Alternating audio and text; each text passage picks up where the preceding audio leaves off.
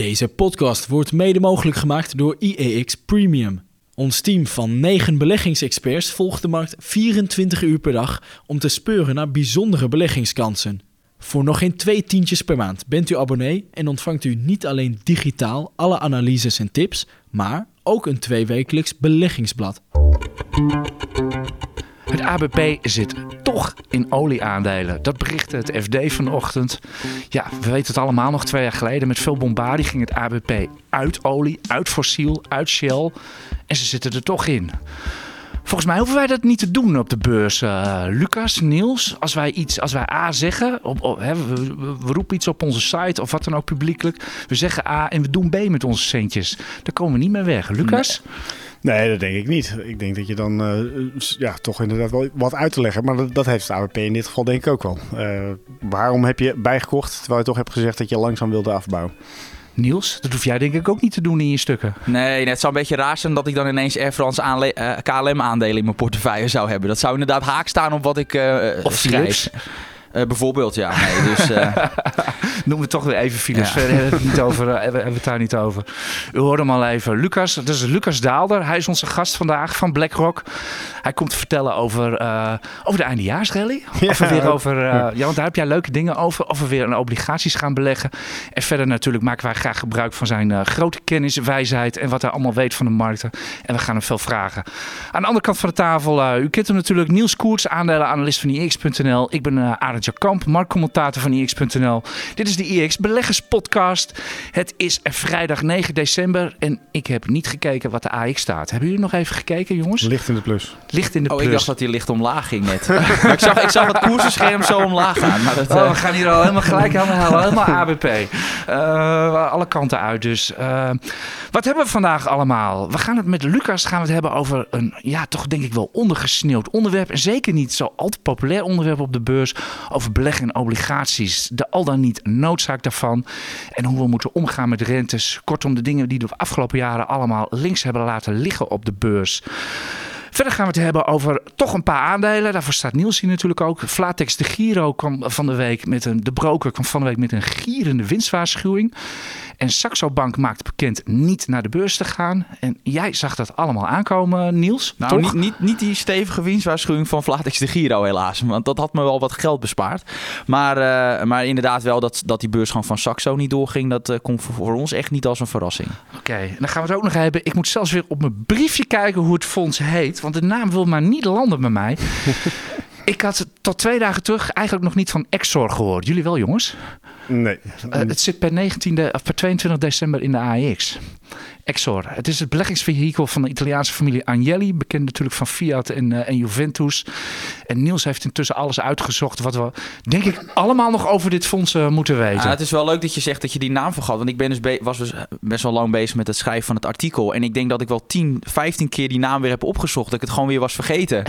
dus dan moet je weer naar boven scrollen. Oh, hoe heet het ook alweer? Dus uh, daar moest ik wel om lachen inderdaad. Het blijft gewoon niet hangen, die naam, op een, een of andere manier. Nee, nee het, is, het, is, is natuurlijk nog maar heel kort genoteerd hier, hier in Amsterdam. Het stond wel al uh, lange tijd in uh, op de beurs van Milaan genoteerd.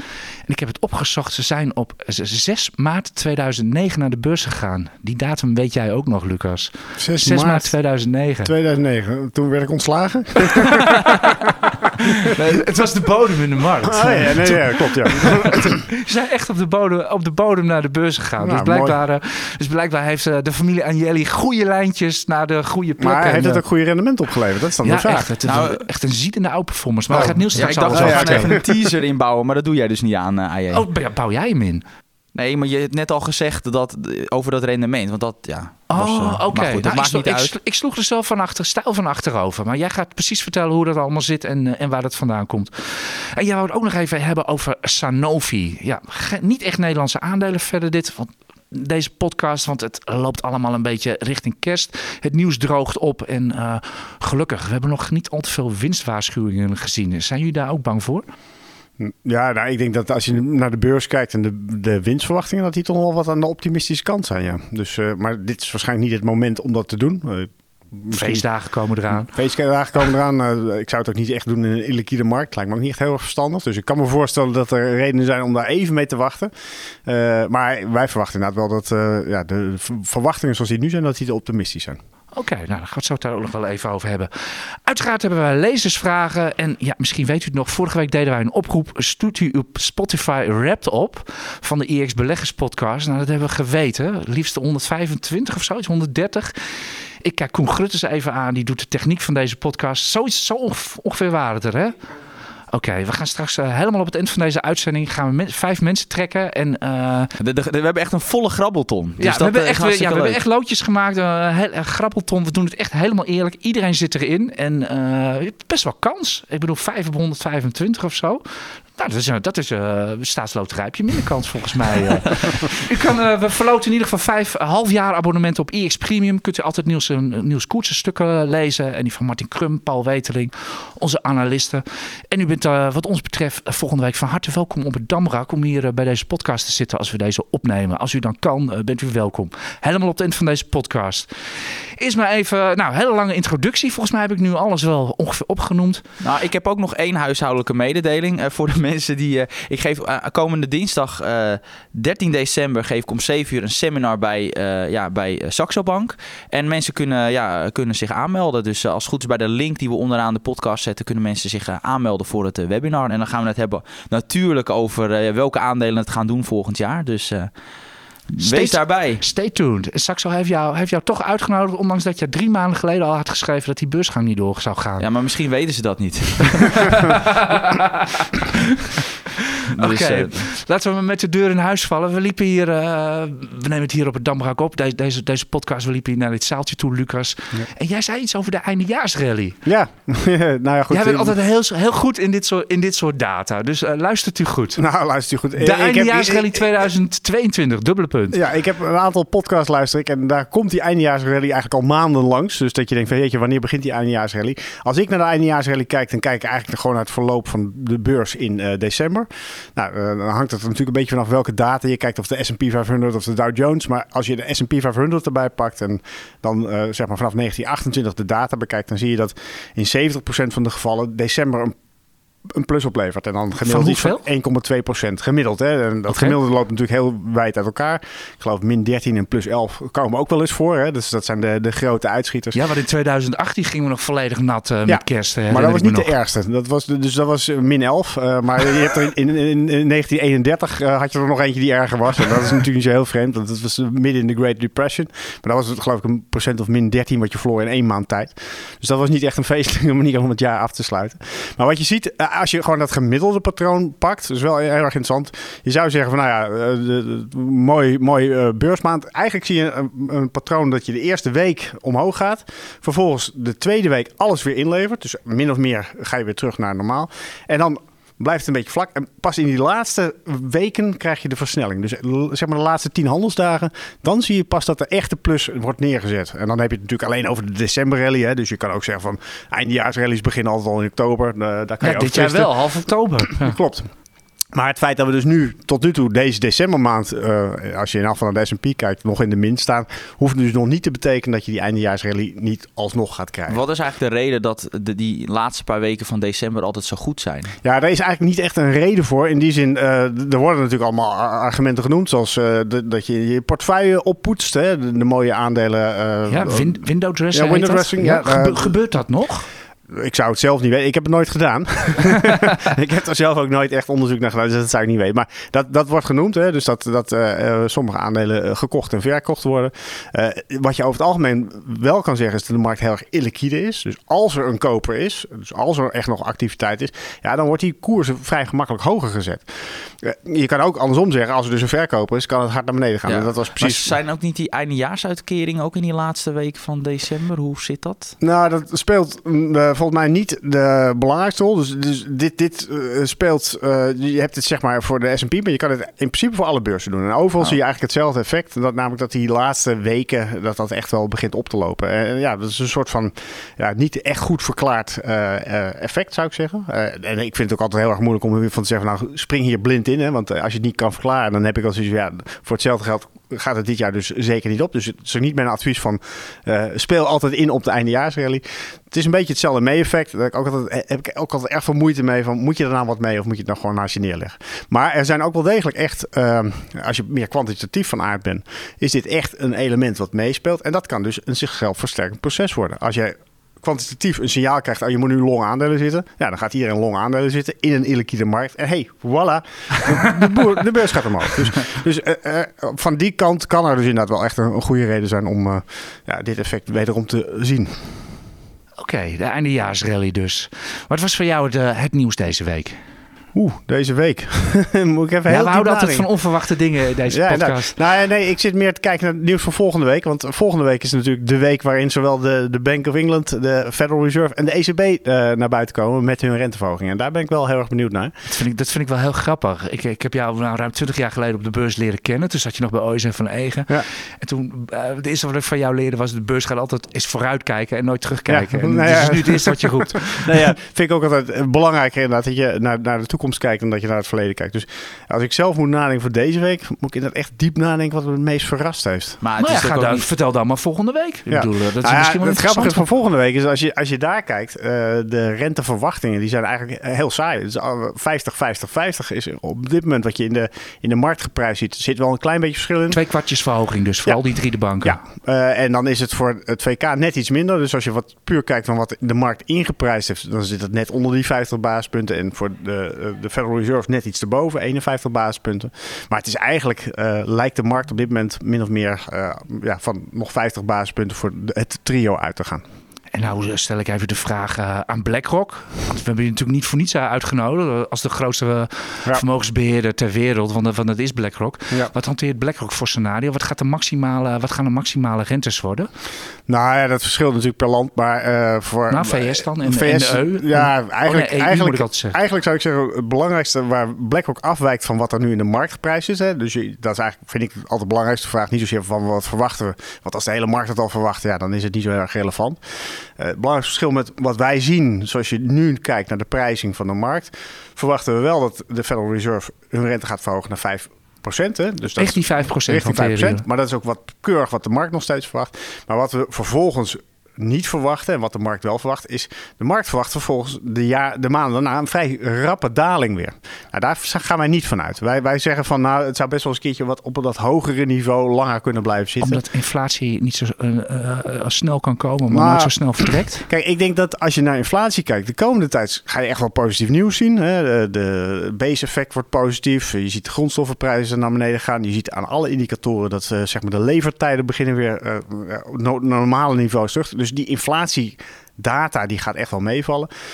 Grote risico is zeg maar het tweede orde effect. Dus hoe groot gaat bijvoorbeeld loonstijging uh, een rol spelen in de inflatie voor volgend jaar? En ik denk dat wij daar echt wel wat voorzichtig zijn. Wij zeggen van nou, gegeven met name in Europa, als je ziet hoeveel uh, koopkracht er uitgehold is, dus het verschil tussen je lonen en uh, de inflatie is best hoog geweest.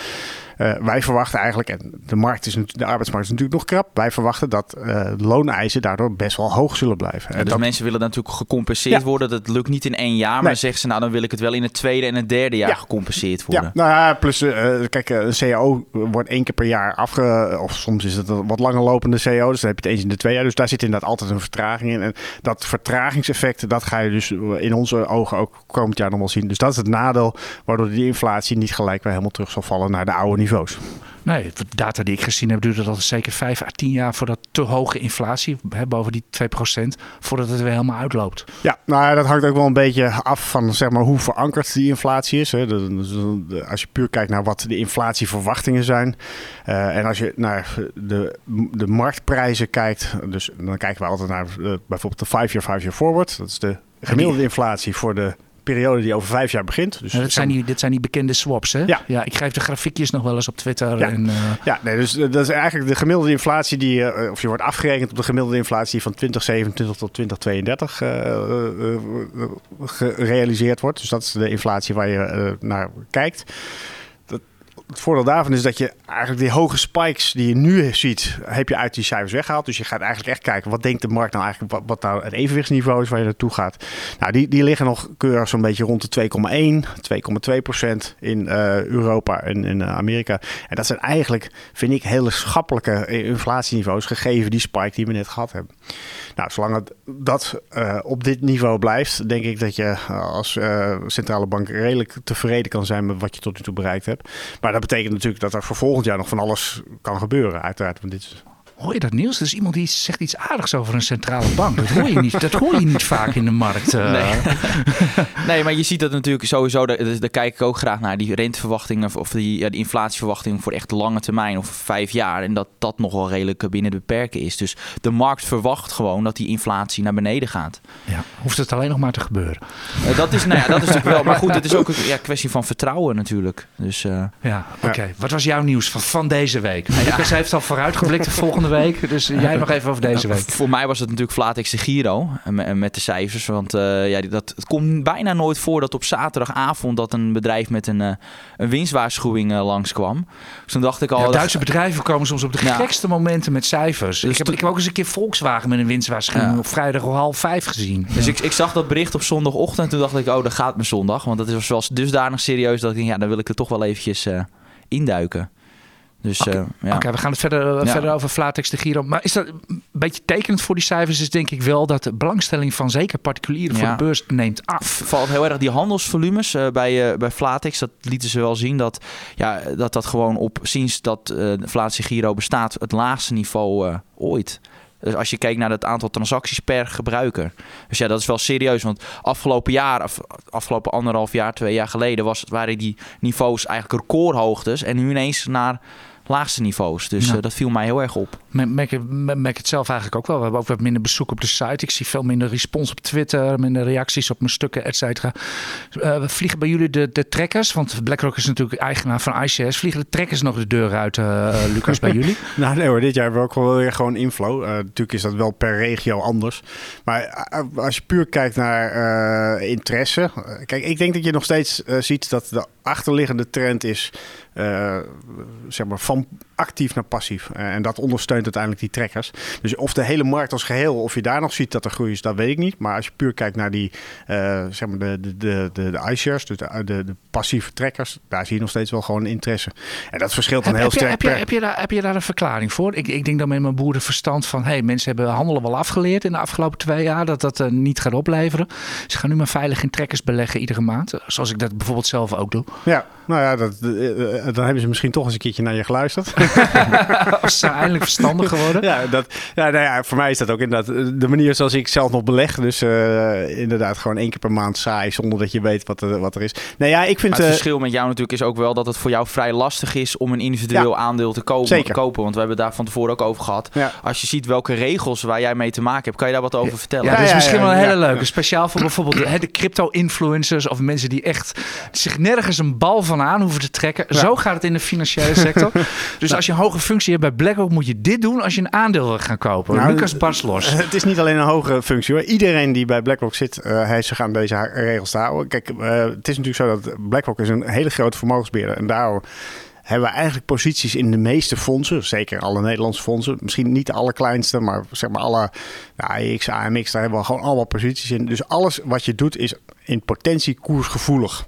En je moet altijd een schijn tegen je hebben. Dus als ik een aandeel zou willen kopen, een specifiek aandeel, dan moet ik dat eerst pre-clearen. Dus dan moet ik uh, inkloppen in een systeem van ik wil dit en dit kopen op dit, uh, dit bedrag. En dan krijg je na drie maanden antwoord? Nee, nee, nee. Ik krijg dan die dag wel antwoord, maar dat kan dus gewoon zijn, nee, mag niet. En dan geen verklaring waarom niet. Uh, geen enkele. En dan mag je de volgende dag nog een keer proberen. Mocht het dan op een gegeven moment lukken, dus uh, jij, de aanhouder wint, je gaat, je gaat gewoon door, door, door. En uiteindelijk heb je toestemming om het te mogen doen. En je mag je aandeel kopen. Nou, dan wordt er ook van je verwacht dat je onmiddellijk meldt van tegen welke koers, op welk moment en uh, terugkoppelen. Dan mag je dat aandeel vervolgens uh, 60 dagen niet kopen of verkopen. En andersom geldt het ook. Op het moment dat ik... 60 dagen. Ja, 60 dagen. Maar goed, beleggen is voor de lange termijn, jongens. Ja, ja, ja, maar ik bedoel, je wil ook natuurlijk af en toe wel eens een opportunistisch even wat doen. Ja, Ik nee, bedoel, dat mag helemaal dat- niet. dat- Nee, dat- en, en, en, eh, eh, dus je krijgt dan wel van die vreemde eh, situaties. Stel, ik had een aandeel en ik heb het verkocht. Omdat ik dacht van nou, het is een mooi winstmoment. Eh, vervolgens stort de koers in. eh, halveert. En ik denk van nou, nou, op dit niveau vond ik het leuk. Dus ik kan weer terug in. Moet ik ook 60 dagen wachten. Dus als ik verkocht heb, mag ik niet binnen 60 dagen terugkopen. Want dat heet dan ook winst nemen of winst pakken of iets van die geest. Dus dan moet je weer 60 dagen wachten. En hopen dat dat aandeel niet stiekem alweer omhoog kruipt. en dan pas mag je weer kopen. Dus eh, heel beperkt is het. Ja. Dus eh, is, eh, beleg je dan ook nog in aandelen of doe je echt ook al Maar individuele aandelen heb ik inmiddels gewoon achter me gelaten. Dus ik houd het inderdaad heel erg beperkt tot, tot eh, ja, trackers. Dat is Ja, is, is dit de reden dat je aan zoveel regels gebonden bent dat het gewoon, ja, dit is gewoon niet meer leuk? ja, nou, en dit was niet, al- dit is niet zozeer BlackRock hoor. Dit is, nee, maar dat geldt gewoon- voor de hele financiële daarom, industrie, dus ik- Bij Robeco zal het niet Ja, anders geweest zijn waar jij Nee, werkt. Precies hetzelfde. Nee, en daar hadden we inderdaad nog wel echt een discussie. Dus daar werden die regels eigenlijk precies op dezelfde wijze geïntroduceerd. Eh, ook 60 dagen. En toen hebben wij binnen Robeco echt nog wel een interne discussie gehad met een aantal mensen die wel actief belegden. En die vonden dat echt al een beetje een gemis. Je bent een vermogensbeheerder. Je hebt allerlei mensen die ja, eh, eh, moeten nadenken over hoe moet ik een portefeuille in, inrichten. Ja, de, de, echte manier hoe je dat doet is door zelf een keertje een paar keer je hoofd goed tegen de muur gestoten te hebben. Van shit, had ik niet moeten doen. En als je dat afsluit, ja, dan krijg je op een gegeven moment natuurlijk ook een beetje meer papieren tijgers, niet echt goede beleggers. Dus eh, ik vind het zelf ook een, eh, ja, ik snap waarom het is, maar ik vind het ook wel zonde. Ja, ja. Een paar, jaar- paar jaar geleden had je daar ook een discussie over. Er was, er was een keer was een, echt een broekie, was op CNBC en die was een senior beleggingsanalist. Ja. En er was iemand die stelde eh dit dit discussiepunt van hoe kan deze jongen met zijn blote billen gezicht nou ooit senior zijn? Wat heeft die nou meegemaakt? Is dat een beetje, ook een beetje in die categorie? Nou ja, kijk, je, je hebt mensen die gewoon al heel jong eh, zijn begonnen met, eh, dus de, de leeftijd vind ik niet zo heel erg belangrijk. Eh, het gaat er meer om van, eh, heb je alle fouten een keertje gemaakt? Ja, dat, dat is natuurlijk wel het lastige met leeftijd. Als jij drie jaar begonnen bent, Ja. en dan kan je misschien wel een goede belegger zijn, maar als jij nooit een beermarket hebt Nee. meegemaakt, weet je, oh, weet je dan dat mis is je. het punt. Ja. dat is, Ja. Het is toch heel anders. Ik bedoel, in een opgaande markt eh, gaat alles goed, iedereen is blij. Maar als het. Ja, in de opgaande Anders, markt kunnen we eh, allemaal ja. beleggen. Hè? En Maar het bedoel, we hebben omlaag het gaat- afgelopen jaar wel Ja. gezien. Ik bedoel, kijk naar uw eigen porto. Ik bedoel, als de AX staat, nou, wat is het? Min, min, min, min, min 8 of zo, min Ja. 9 year to date. Ja, als u min 60 staat, ja, dan hebt u toch ergens. eh, ja, maar dat, toch wel even ergens dat moeten die mensen dat wel doorhebben als je in 60 staat hoor. dat er iets niet goed gegaan is. nee, dan laten we het daar maar verder niet over hebben. Gaan we, doen we dit nog even voor de vragen? Zeker, ik, ik, denk het wel. De, de voornaamste reden natuurlijk dat we jou hebben uitgenodigd. eh, wij zijn van dezelfde generatie. Ik maak gewoon een persoonlijke vraag van. Wij zijn van dezelfde generatie, Lucas. Ik ben 54. Strikt genomen, de 60-40 portfolio moet ik natuurlijk bijna al voor de helft in obligaties zitten. Ik heb er niet één. Ik lieg een beetje. Ik heb nog 100 euro ergens in een obligatiefonds zitten. Echt niet meer. Kan ik weer in obligaties beleggen? Moet ik weer in obligaties beleggen? Ik denk dat het een vraag is die meer mensen van mijn generatie hebben. Ja. En moeten jongeren hè, van, van Niels' leeftijd nog onder de 30, moeten die ook aan obligaties denken? Nou, het woord moeten is natuurlijk eh, sowieso nooit... eh, Nee, maar in het kader van risicobeheersing op een verantwoorde manier een pensioen of een lange porto opbouwen. Ja, nou kijk, ik, ik- de 60-40 portefeuille. eh, Ja, je kan- 60% aandelen, 40%. Ja, Ja, 60%. dat is de je- benchmark, hè? Ja. Ja, of als het benchmark, dat is zeg maar iedereen het altijd over heeft. Eh, als je mij twee jaar gel- geleden gevraagd had, eh, wat moet ik ermee? Dan had ik eh, vrij stellig gezegd van ja, nee, ik zou die 40% zou ik niet in obligaties beleggen. Want op dat moment stonden de kapitaalmarktrentes wereldwijd natuurlijk op zeer lage niveaus. In Europa zelfs negatief. Ja, dan zie je geen enkele toegevoegde waarde van zo'n zo'n belegging. Dat is ja, zelfs de bufferfunctie, hè, dat is natuurlijk het idee. Op het moment dat aandelen hard naar beneden gaan, dan krijg je tenminste nog iets van compensatie in je obligatieportefeuille. Nou, zelfs die gaat niet eens op op het moment dat je echt met die hele lage kapitaalmarktrentes te maken hebt. Ik Dus- heb dat ook gedaan. Ik heb een paar jaar geleden allemaal obligaties Ja. ook verkocht. Jaar of vier geleden. Ja. Maar goed, nu zit je natuurlijk naar een situatie te kijken waarbij inflatie, eh althans waarbij eh, de kapitaalmarktrentes in elk geval wel weer op een hoger niveau zijn. Hè. Dus eh, kijk naar Duitsland, dan zit je net iets onder de 2. Kijk naar Amerika, dan zit je net iets onder de 4. Ja, dat zijn natuurlijk niveaus waarvan je kan gaan afvragen, begint het nou wel weer interessant te worden? En op zich, als je kijkt naar onze aanbeveling, wij zeggen inderdaad, nou, obligaties zijn nu wel weer interessanter. In elk geval interessanter dan ze twee jaar geleden waren. Het is alleen niet zo dat wij op dit moment heel erg eh, ja, eh, enthousiast zijn om in staatsobligaties te beleggen. En dat heeft veel meer te maken met, eh, ja, die rentes zijn wel gestegen, maar als je bang bent dat die inflatie nog wel wat langer aanhoudt, en dat, dat is wel onze centrale eh, verwachting, ja, dan is zelfs nu nog een, een kapitaalmarktrente van net onder de 2, ja, die is niet voldoende uh, om te compenseren voor de inflatierisico's die je loopt. En dan zijn er eigenlijk leukere alternatieven binnen die obligatieportefeuille. Dus dan moet je bijvoorbeeld denken aan bedrijfsobligaties met hoge kredietwaardigheid. Ja, want daar kregen wij ook vragen over. Van goh, er was iemand die wilde kijken naar bedrijfsobligaties. Ja. Hoe kijk jij daarnaar? Nou ja, dat is dus inderdaad waarvan wij zeggen van daar de, de risico-rendementsverhouding is daar veel interessanter. En, en bedrijfsobligaties heb je ook weer in vele vormen, soorten en maten. Dus kijk daar ook maar uit. Je hebt uh, de, de, de credits, dat zijn bedrijfsobligaties met een hoge kredietwaardigheid. Waarvan je kan zeggen, van, nou, die zien er stevig uit. Nou, dat zijn meestal wel bedrijven die uh, een goede balans hebben. En dat zijn de Microsofts van deze wereld. Zoiets, ik geloof dat Microsoft de hoogste noteringen ja. heeft. Uh, nou ja, dus, dus uh, relatief klein risico zou je kunnen zeggen. Maar je hebt ook bedrijfsobligaties met een lagere kredietwaardigheid. En dat zijn high yield, of zoals de wat minder vriendelijke naam is dan junk bonds. daar krijg je een nog hogere rentevergoeding. Hè. Je wordt natuurlijk gecompenseerd voor de risico's die je neemt. Maar daarvan zeggen we, ja kijk wij verwachten echt wel dat er een recessie aan zit te komen. En als, als je een recessie gaat zien en je weet dat er veel meer schuld in, in uh, de wereld uh, is en die, de, de, de, kapitaalmarkten zijn omhoog gegaan, dan weet je automatisch dat de kans dat er op een gegeven moment bedrijven zijn die in betalingsproblemen komen ook veel groter is. Nou, en dan zitten wij te kijken naar die, zeg maar de, de, de kredietvergoeding in die high yield markt. Die vinden wij nog niet voldoende om uh, enthousiast te worden. Wel in die credits, dus wel in die uh, bedrijfsobligaties met een uh, hoge kredietwaardigheid. En als je puur kijkt naar de, Amerika naar de yield curve, hè, dus zeg maar de staatsobligaties, daarvan zeggen we ja, kijk, de, normaal zeg je, oké, als er een recessie komt, dan is het eigenlijk handiger om meer in obligaties te beleggen dan in, in aandelen. Hè? Dat een soort die buffer. Uh, dat kan kloppen onder normale omstandigheden. Maar de normale omstandigheden zijn op dit moment natuurlijk ja, de, de grote uh, spelbrekers, in dit geval inflatie. Als inflatie hoog blijft, ja. dan zal je ook in je obligaties niet echt een hele erg sterke buffer krijgen. Maar jouw voorkeur gaat ook echt heel duidelijk uit naar dus de meer de wat veiligere obligaties, maar ja. dan niet de veilige bedrijfsobligaties. Ja, ja of, uh, en dat is in Amerika duidelijker dan in, uh, in Europa, zou ik zeggen. Maar in, in Amerika zie je bijvoorbeeld dat de, de korte rente, de éénjaarsrente, die ligt zo'n beetje rond de 4 nog wat. Uh, 4,5, ik weet niet precies wat het niveau ja, is. Maar echt het zijn, stuk, zijn recordgroot. De Ja, verschillen stuk- tussen de, de lange ja, en de korte hoger rentes. Ik, zou even kunnen opzoeken. Maar ja, het is eh, bijna die- tussen de 10 jaar en de 2 jaar zit bijna 1% Ja. verschil. Nou goed, en, en daarvan kan je zeggen, oké, ja, eh, dan als je binnen die curve moet kiezen, dan kan je wat ons betreft veel beter op die korte kant gaan, gaan, gaan zitten dan op de lange kant. Eh, kijk, obligaties eh, eh, heb je in allerlei looptijden. Een obligatie doet het het beste op het moment natuurlijk als de kapitaalmarktrente of de rentes naar beneden gaan. Dan gaat de waarde van je obligatie omhoog. Dat is veel sterker het geval als je een langlopende obligatie hebt. Dat heeft te maken met de rentegevoeligheid, duratie zoals dat dan heet.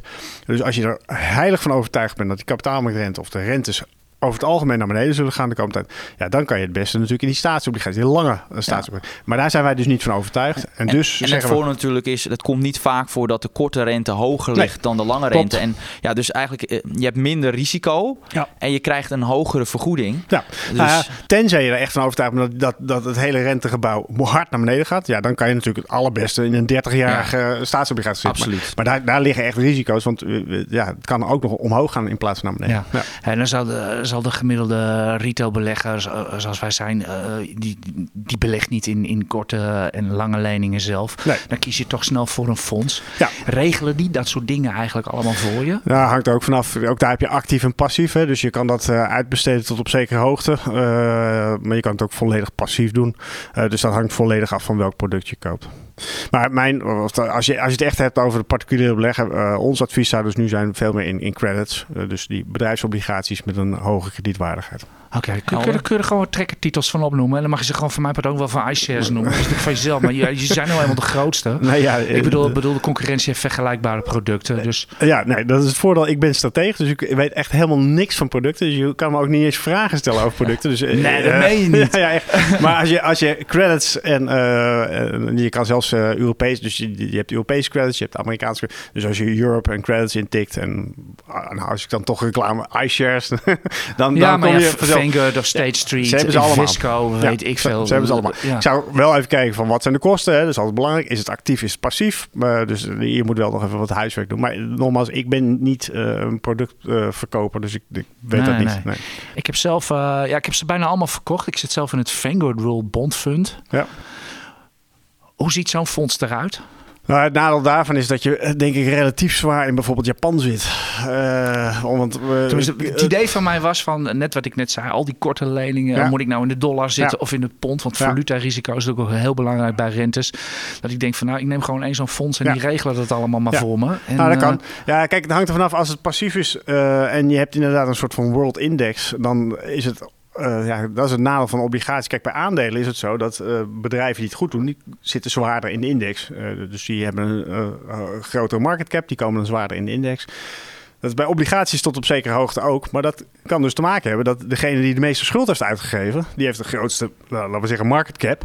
En die komt dus daarmee het zwaarst in de index. ja, Dus dan kom je al snel bij Japan uit. dan kom je bij Japan uit. Dus, dus jij zit waarschijnlijk zonder dat je het door hebt, zit je misschien wel voor 30% in Japanse obligaties. Ja, en dat is nou net Oh, van, die, van die 100 euro Ja. nog. Die, nou ja, hier.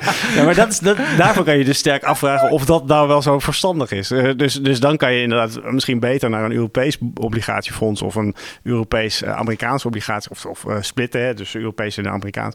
Maar ik zou zelf niet heel erg, ik zie de toegevoegde waarde van eh, Japanse obligaties op dit moment niet. nee, Eh. nog nooit gezien eigenlijk. nee. Nee, maar dit was wel de Widowmaker. Dus vroeger heette dat de Widowmaker in die zin dat iedereen altijd dacht van ja, dit moet een, die rente moet een keertje omhoog gaan. En dat is eigenlijk ook nooit gebeurd. En met de Bank of, Bank of Japan die nog steeds heel erg die rente bepaalt, ook die kapitaalmarktrente, ja, zie je dat dat ook nog steeds wordt tegengehouden. Dus die, die rente is nog steeds heel laag. In ieder geval, eh, ik besluit eh, nog maar even te wachten met eh, aankopen van, van staatsobligaties. Ik, ik, wacht, ik wacht eerst nog even de inflatieontwikkeling af. Ja, nou, daar kan, kan me iets bij voorstellen. Ja, Ja, kijk, en nog- eh, nog, nog één dingetje. Want hè, mensen, de- mensen denken natuurlijk bijvoorbeeld... Hey, waarom zou ik 2% eh, in Duitse obligaties gaan? Want het is natuurlijk vooral de, vooral de euro. Als ik in Amerika bijna 4% kan Ja. maken... kan ik toch beter die kopen? ja, maar daar zit dus wel je risico van wisselkoers zit daarbij. Ja, hè, de dollar natuurlijk. hè. ja. En als dat zoals... eh, die is de afgelopen drie maanden is de dollar 11% gedaald. Ja. Trouwens, dus dat is je risico Dus dan. dus dan heb je 4% rendement. Nou, dan moet je zelf nog delen door, door 4. Want dus dan heb je 1% rente, rente gekregen en dan 11% verloren op je eh, currency positie. Dus dat is natuurlijk geen winstgevende zaak. De meeste obligatiebeleggers dekken dat risico af. Alleen ook dat is dan weer een nadeel. eh, want wat bepaalt nou eigenlijk de afdekkingskosten? Eh, dat is het renteverschil, het korte renteverschil tussen Duitsland en Amerika. En dat korte renteverschil tussen Duitsland en Amerika ligt op dit moment. Amerikaanse rente ligt veel hoger. Dus je betaalt nou, een procent of twee ongeveer om je risico af te dekken. Ja, dan wordt het weer in. dat je is wel van, heel ja, erg duur. Ja, dan he- ik, ik- krijg ik wel een rente van 4%, maar dan moet ik 2% moet ik alweer inleveren om Ja, het dat, risico is, af te dat is dekken. helemaal niks. Nee. Helemaal goed. We hadden het net over valutarisico's. En een eerste vraag van Putten, die, dat gaat daar ook onder over. Van Putten? Ja, ja, nee, een vraag van Putten. Oh, Hij zegt, ehm, ik beleg voor mijn pensioen. En aangezien ik geen professionele aandelenbelegger ben, heb ik geen gevoel voor hoe wisselkoersen zich ontwikkelen. Ik mijd daarom Amerikaanse aandelen en beleg vanwege het valutarisico alleen in aandelen genoteerd in euro's. Wat is jullie mening hierover? Volgens mij hebben we die net gegeven. Of, eh, ja. Nou, dit, dit is een, eh, zou ik zeggen, een vrij riskante eh, strategie. Toevallig is dit het jaar dat Europese aandelen het beter hebben gedaan. Dus dat als je puur de, de relatieve performance van Amerikaanse aandelen in, in dollars afzet tegen Europese aandelen in euro's, zie je dat dit het jaar is dat, nou ja, in ieder geval vanaf maart van dit jaar, Europese aandelen een procent of 15 beter gedaan hebben. Dus, dus in dit geval is het een goede strategie geweest. 20 jaar voorspeld, eindelijk een keer gebeurd. Inderdaad, eh, want als je de lange termijn erbij pakt, eh, dan zie je dat dat eigenlijk eh, de uitzondering is die de regel bevestigt. Dus over het algemeen doen Amerikaanse aandelen het beter. Dus beter gespreid. Ja, en het is ook helemaal niet erg om wat v- v- eh, dollar exposure te hebben. Nee. Dat is helemaal niet, niet verkeerd. Dus ik In- zou... dit jaar zeker niet. Kijk, eh, die, die, die dollar is dan de laatste tijd wel weer wat verzwakt. Maar dit jaar, eh, in de eerste maanden, ging die dollar natuurlijk hard omhoog. Eh, en zag je dus eigenlijk dat je als Europese belegger die Amerikaanse aandelen had gekocht en het wisselkoersrisico niet had afgedikt. eh, Dat de verliezen eigenlijk veel minder waren. eh, Omdat die dollar dus in waarde steeg. Dus als je een Europese belegger bekijkt op dit moment. eh, is het eigenlijk niet zo heel erg rampzalig beleggingsjaar tot nu toe. Helemaal goed. Nou, we gaan, we gaan door met een vraag van Calm Seas. Als ik het goed uitspreek. Eh, graag zou ik eh, horen op, eh, van jullie op dit moment hoe, over de Nederlandse financials. En dan vooral ING en ABN AMRO. En hij zegt ja, het tempo van renteverhogingen, zowel in Europa als de VS, lijkt af te zwakken. Daar staat tegenover dat de banken hier wel steeds flink van zullen blijven profiteren. Daarnaast speelt de recessievrees ook een rol. Ehm, ja, hoe kijk, dus de vraag is van hoe kijken jullie naar banken en zien jullie hier kansen? Uh, AJ. Ehm, ja, banken en kansen. Ja, ik denk bij banken altijd meer aan risico's. Ja, dat ja, zeker in tijden, tijden van recessie. Kijk, dat is natuurlijk wel zo. Ja, met, zeker, ja. zeker. Ja, je zegt het al, recessie. Dan weet je gewoon dat er, uh, dat er afschrijvingen gaan komen. Het grote verschil tussen ING en ABN AMRO is wel dat uh, ABN AMRO heeft vooral exposure naar de hypotheekmarkt. En ja, wat mensen altijd doen is, uh, ze betalen altijd, liggen krom om maar een hypotheek te kunnen betalen. Dus dat is, werkt weer in het voordeel van, van ABN AMRO. ING heeft veel meer uh, bedrijfsleningen uitstaan. Dat hebben we ook al gezien over het afgelopen kwartaal, Q3. ING moest flink afschrijven. ABN AMRO hoefde helemaal niks in de stroppenpot pot te doen. Dus wat, wat dat betreft is er, is er wel een verschil. Maar nogmaals, recessie ja. en banken niet echt en, Nee, en het is natuurlijk wel zo dat natuurlijk die hypotheek, de, de huizenprijzen zullen wel dalen. Omdat veel mensen toch heel veel overwaarde hebben, raakt dat een ABN AMRO uh, minder hard. Omdat, uh, ja, dan... Ja, en ze hebben ja, een baan nog, hè? Dat is, ja. dat is natuurlijk ook een groot verschil met, met natuurlijk vorige recessies. Uh, ja. Ja, hoe, hoe kijk je, even vraag je tussendoor, hoe kijken jullie er tegenaan? Steed je daar ook, uh, hoe kan dit nou? Nou ja, volgens mij is een recessie, kijk de officiële, nou, quasi-officiële definitie van een recessie is twee kwartalen negatieve groei van BBP achter, achter elkaar. Als je naar Amerika kijkt, daar hebben ze in principe een bureau die zich daarover buigt. Dat is de National Bureau of Economic Research. En die uh, leggen veel meer de nadruk terecht, vind ik, op die arbeidsmarkt. Dus bij hun is, uh, als je nu kijkt naar de BBP-cijfers van dit jaar, had Amerika natuurlijk de eerste twee kwartalen negatief groei. Dus officieel zou dat een recessie zijn. Nee, zegt de NBER, geen recessie, want we kijken veel meer naar de arbeidsmarkt. En die arbeidsmarkt is gewoon hartstikke sterk.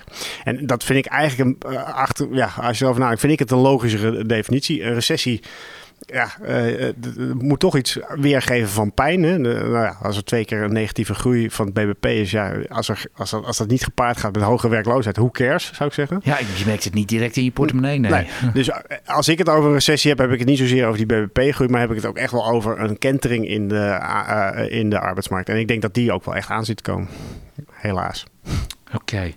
Ik heb hier nog een vraag aan jou op Twitter van. Ik kan.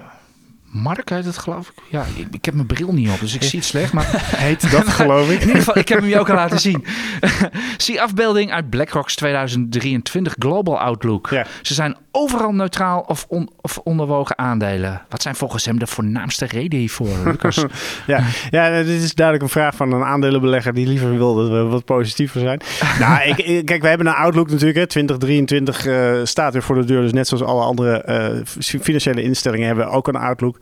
Um, ik moet eerlijk zeggen, ik vind het, uh, het is een outlook. Er staat outlook 2023 op, maar je kan net zo goed zeggen het is een outlook voor het eerste kwartaal van 2023. Want er gebeurt op dit moment natuurlijk zoveel dat je eigenlijk moeilijk kan zeggen van wat gaat nou eigenlijk ja, gedurende 2023 het hele jaar gebeuren. Dus we hebben wel een outlook. Uh, daarin zijn we inderdaad negatief op aandelen. En dat heeft alles te maken met die recessie. Uh, wij, als wij kijken naar wat er nu aan winstverwachtingen in de prijs zit, maar ook wat analisten zeggen, zien wij dat die recessie nog niet voldoende is ingeprijsd. Dus daar moeten echt nog afwaarderingen op komen. Nou, als inderdaad die arbeidsmarkt geraakt wordt, dan ga je ook echt wel van die kant pijn krijgen. Dus wij zeggen van ja, die, die rally van, nou laten we zeggen, de afgelopen anderhalve maand, maar daar hebben we wat, wat bedenkingen bij. Uh, en dat is eigenlijk waarom we op dit moment negatief zijn. Dat betekent niet trouwens dat we negatief zijn voor het hele jaar. Uh, op het moment dat we inderdaad een correctie hebben gezien, geloof ik zo dat wij uh, bereid zijn om weer eens wat positiever te worden ten aanzien van aandelen. Helder. Okay. Ja, ik denk dat we toch nog een keer even naar de aandelen moeten, want uh, we gaan al aardig uh, met ja, de tijd. Ik zie het. Je, je noemde hem al even uh, Flatex de Giro, ook al met een gillende winstwaarschuwing, ja, Niels. Ja, nee, dat was afgelopen za ja, zaterdag. Ik zag het zondag en toen dacht ik wel van wow. Want ja, ze, ze, zeiden van nou de omzet valt dit jaar 5% lager uit dan verwacht.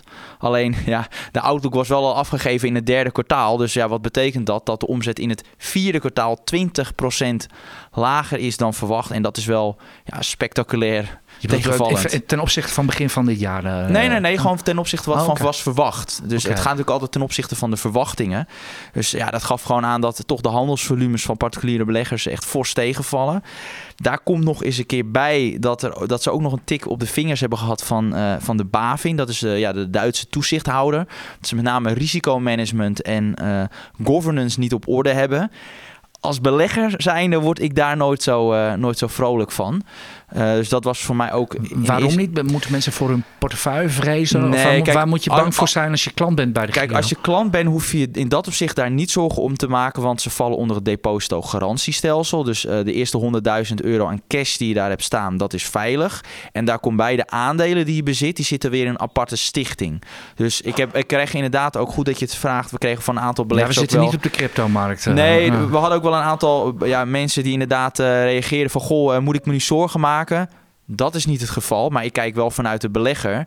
Word je daar natuurlijk niet blij van. Aan de andere kant, eh, ze hebben wel hun balans nu op orde eh, gezet. Ze hebben 50 miljoen extra apart gezet voor die, voor die bank. Dus dat is positief. Ja, en maar ja, als je kijkt naar die koersdaling van 37 procent. Ja, op die winstwaarschuwing. En hè? ja, dat, ik, ik beleg nu sinds mijn veertiende. Maar ik heb nog nooit in mijn leven meegemaakt dat een aandeel met, eh, ja, zo hard is gedaald. Dus 37% in mijn portefeuille. Oh, vast wel ergens, toch? Eh, Nee, ik niet. In mijn, in mijn individuele posities in één dag heb ik dat echt nog nooit meegemaakt. Dus gelukkig was het natuurlijk een kleine weging van 2%. Maar ja, het wegen alsnog is het gewoon heel pijnlijk. Dus, eh, maar goed, dan is natuurlijk de vraag van wat moet je ermee? En moet je nu die aandelen verkopen? En ehm, mijn argumentatie is daar wel, ben ik wel van mening dat je daar wel eh, dat je dat niet meteen moet doen. Omdat voor de lange termijn is, vind, ik, vind ik dat er wel veel kansen liggen voor, voor Flatex. Vooral die online die markt, die online brokers.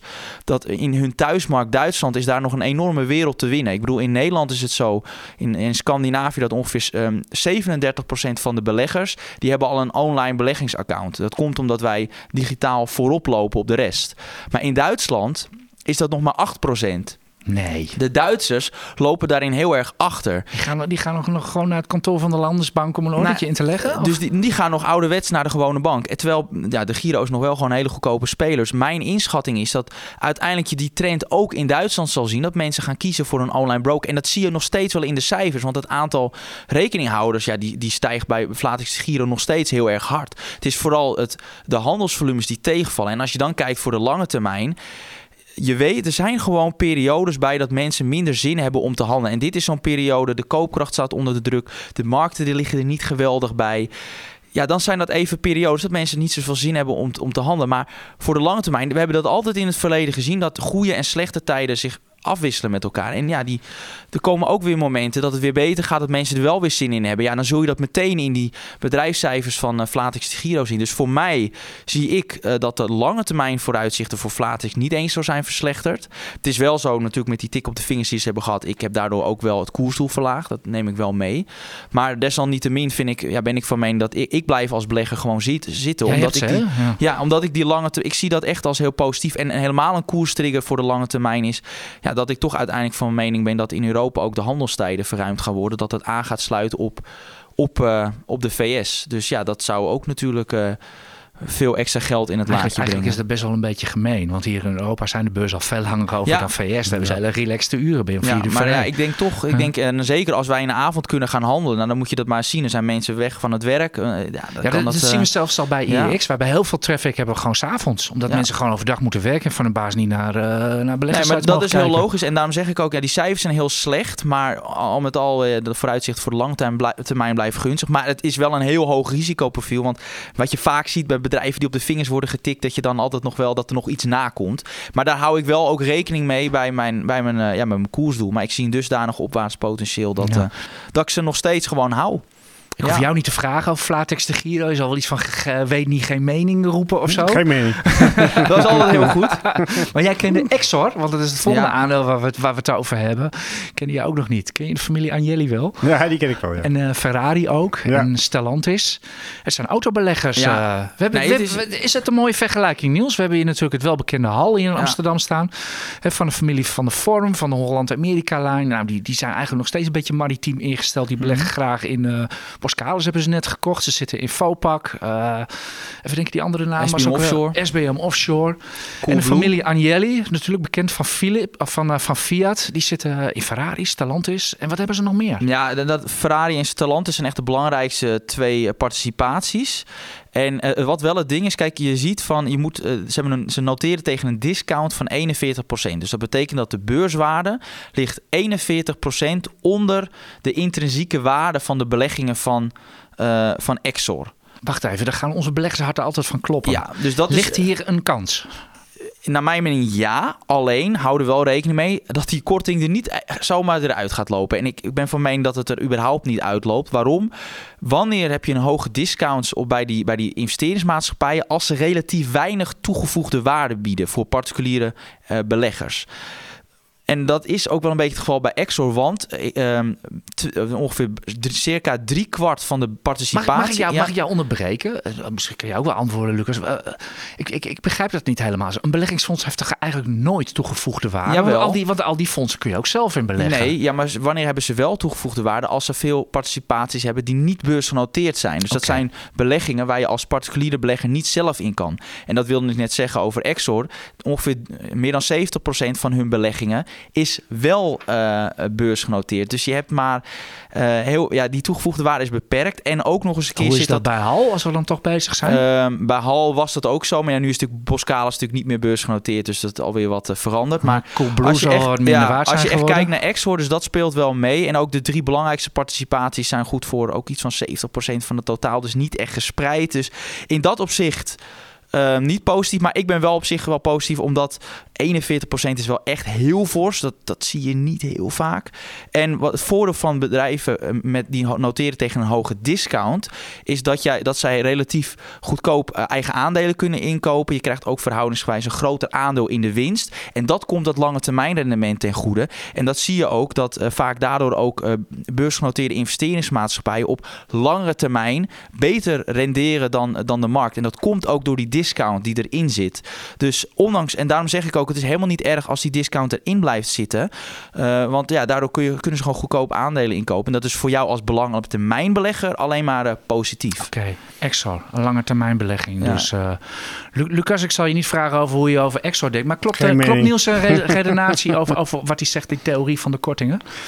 Uh, nou, uh, ik, ja, die had, in het verleden had je natuurlijk ook in Nederland van die, van die aandelen. Die hadden dan, uh, ik weet niet meer precies welk fonds het was, maar die had dan een heel groot pakket in Royal Dutch. En die handelde ook altijd op zo'n zo'n discount. En er waren hele schare Nederlandse beleggers, die waren daar grote fans van. Want dan konden ze eigenlijk Royal Dutch dividend inkopen op een, op een discount. Oh, was dat niet met de Dotse of zo? Ja, dat was het volgens mij. Ja, de. Ja, Ja, dat is wel, ja, ja, zo wel wie- ruim moet u voor maar mijn gaan- tijd. ja, dat is lang geleden. Dat, maar dat, moet u, dat moet u echt maar gaan googlen. Dat is een heel oud beursverhaal. Ja. Maar goed. Ja, nee, maar dat was, en, en dan, dan- ja, dat was natuurlijk de, voor, voor de particuliere beleggers is dit juist heel erg interessant. Zeker als er dividend in het spel is. En ik weet niet of dat hier het geval is. Ja, maar- ja, ze doen niet zo heel veel, maar ze doen Nee, hoe kan het bijvoorbeeld nou wel... dat ze maar 1% dividend Ja, maar ze kopen wel weer anderhalf procent van het aantal eigen aandelen. Dus per- al met al toch 2,5 procent. Het is Nou, dat niet vind- de hoofdprijs, vind maar... Voor een defensieve belegging vind ik dat niet al te raar. Nee, oké, maar ja goed, het is dat, dat is Waarom het, lach jij? Het is wat het is. Ja, ja, Maar- het, is, het, is, het is geen Nederlands bedrijf. Nederlandse bedrijven die doen altijd wat meer. eh, dus, eh, Het zijn Italianen. Ja. Die, geven- die gaan, die gaan eerst wat wijn en Ja. lekkere hapjes. eh,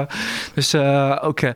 Nou, oké. Maar in ieder geval, eh, volgens Niels in ieder geval een mooie... Ik zie, daar, ik, zie wel, ik zie een leuke kans. Ik vind het wel een leuke toevoeging. Ik heb ook berichten gelezen van partijen die dat niet interessant vinden. Of die gewoon zeggen van, nou, zo'n, wat heeft zo'n Italiaanse investeringsmaatschappij in Nederland te zoeken. Ik ben er wel blij mee. Oké, in ieder geval verdwijnt Justy Takeaway uh, uit de AX. Die gaat naar de Oh. AMX. Dus we zijn wel een, we zijn wel een publiekstrekker, uh, zijn wel een publiekstrekker uh, armer geworden. Maar die is nog wou- niet weg. Die kan toch weer terug. Op, op een gegeven moment kan hij weer promoveren. Moet, hij, Eh, moet alleen moet wat wel meer de koers omhoog. Ja, daarom. dat wel. Ik bedoel, je ziet, je ziet uh, Justy Takeaway. Ik, bij mij is de AX op mijn scherm altijd verdeeld in vijf rijtjes. Ik noem dat de linker en rechter rijtjes. En het surft echt dagelijks door alle rijtjes heen. Dus Ja. misschien dat het net als Bols Versano, Versano ooit ook door alle indices kan chasen. En uh, dit brengt ons bij het uh, laatste onderwerp van deze podcast. We moeten natuurlijk nog de trekking doen van de, van de prijsvraag. Zou jij dat voor je rekening willen? Charmante assistente Koen Gutters. Ja, AJ, de prijsvraag. Leg jij nog even uit waar het ook alweer om ging? Vorige week was er Hendrik eh, Hendrik Junior de Wit. Die, Ja. stuurde, die stuurde hem op. Als ik de naam goed uitspreek. Die had dit jaar maar liefst 46 4679 minuten naar onze podcast geluisterd. Wat, wat twee keer meer is dan wij Ja, hebben dat is gepubliceerd. 78 uur. En dat- we hebben ongeveer, eh, ongeveer de helft aan podcast gemaakt. Hij heeft ook al op, op Twitter zei hij ook al van ja, ik luister ze allemaal twee keer. dus ja, dan kom je, daar kom je er al aan. Dus eh, hij is sowieso uitgenodigd voor volgende week om langs te komen hier op de busplein. Ik zal contacten met je opnemen, Hendrik Jan. Maar we gaan nog natuurlijk vijf mensen, hè? Maar we gaan natuurlijk ook, we maakten er een prijsvraag van. Stuur die Spotify Wrapped op. Dat hebben liefst nou iets van 125 mensen gedaan. En we gaan er nu vijf uithalen. Die krijgen een EX Premium abonnement voor een half jaar cadeau. En die mogen volgende week langskomen om hier bij de podcast te zijn als we die opnemen. En doen nog even een kleine rondleiding langs EX en de beurs hier. Dus het is altijd leuk om hier Ja. te komen natuurlijk. Feel free als je daar geen zin in hebt, dan blijft u gewoon lekker thuis. Ik laat de mensen niet langer in spanning, Koen. Jij mag een ik vijf zou trekken. zeggen, we, hebben, we, eh, hebben echt, we doen echt een loting met, met echte loodjes. Dus we doen het zo eerlijk mogelijk. Tromgeroffel. Ja, ik zou zeggen, start een spannend muziekje. En dan ga ik even echt, zodat mensen het kunnen horen. echt grabbelen. Oh. Dan gaat er eentje. Oh. Er is er eentje op de grond gevallen, die ga ik pakken. En openvouwen. Eh AJ, jij hebt... eh is mijn gisteren, handschrift, jij hebt gisteren dus- uren zitten Ja, maar ik heb mijn schrijven. bril niet op. Dus, Nee, ik wel. Ja, jullie hebben mij heel wat werk bezorgd. Maar ik wou het eerlijk doen.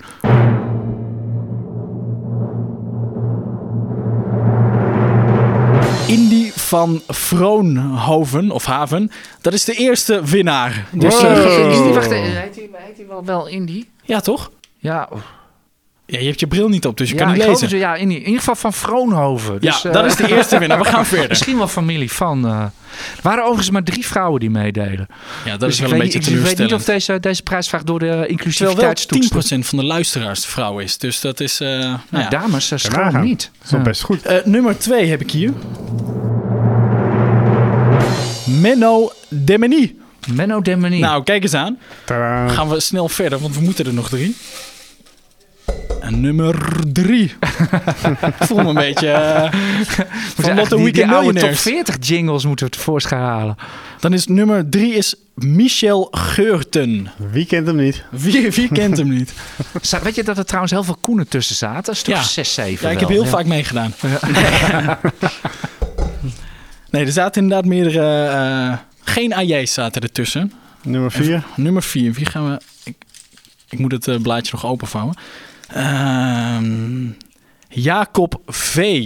Jacob V. Jacob V. Nou, Moet maar even kijken of dat via Instagram of Twitter of de mail is gegaan. Wat dat betreft wordt het nog wel even zoeken. eh, ja, heb je je eigen naam nou nog niet gehoord, dan is dit je allerlaatste kans. Ik heb het laatste blaadje in mijn handen voor een half jaar abonnement EX Premium en een rondleiding op de beurs. En eh, ja, dat je bij de podcast kan zitten, als je wil. De laatste is Sam Feima. Ja, er waren ook diverse Sams, maar niet van Berkel. Nou, Maar- hier is de eentje. Eén Sam heeft eh, ook nog gewonnen. Dan hebben we er vijf gehad, toch? 1, 2, Kun je ze 3, nog 4, één keer 5. opnoemen, alle namen? Ja. Dan? Nog één keer. Jacob V hadden we. We hadden Sam Feima zojuist. Michel Geurten. Wie kent hem niet? Wie kent hem niet? Menno Demeny. Als ik dat goed uitspreek. En tot slot, eh, de eerste was dat. Indy van Vroonhoven. Ja, ik kan het ook, misschien dat het iets Ja, andere naam is, maar ik kan nee, mijn eigen handschrift ook niet lezen. van Ja. Vroonhoven, denk ik. Nou goed, die, geval, eh, dat zijn de vijf winnaars. Jullie Eh, krijgen bericht van ons. ja. Oké, dit was de IX Beleggers podcast. Ik geef nog even tot slot het woord aan jou, eh, aan jou eh, Lucas. Want jij hebt ook een podcast. Ja, ik heb ook een podcast. De Daler denkt hardop. Eh zeker de moeite waard. Het is een goede afwisseling af, van de podcast die jullie net geluisterd hebben. Gaat wat meer over, over de brede markt. Dus als je inderdaad geïnteresseerd bent in obligaties, wisselkoers en dergelijke, dan moet je, zou ik zeggen, op zijn minst een keertje komen luisteren. Oké, jij doet het op dinsdag geloof ik hè? Ja, Ja, oké. nou woensdag, woensdag. Woensdag, Ja. oké. Gaan we luisteren. In ieder geval, Lucas, ontzettend bedankt voor je komst en je wijsheden en, eh, en je, je verhaal over obligaties. Niels uiteraard ook bedankt.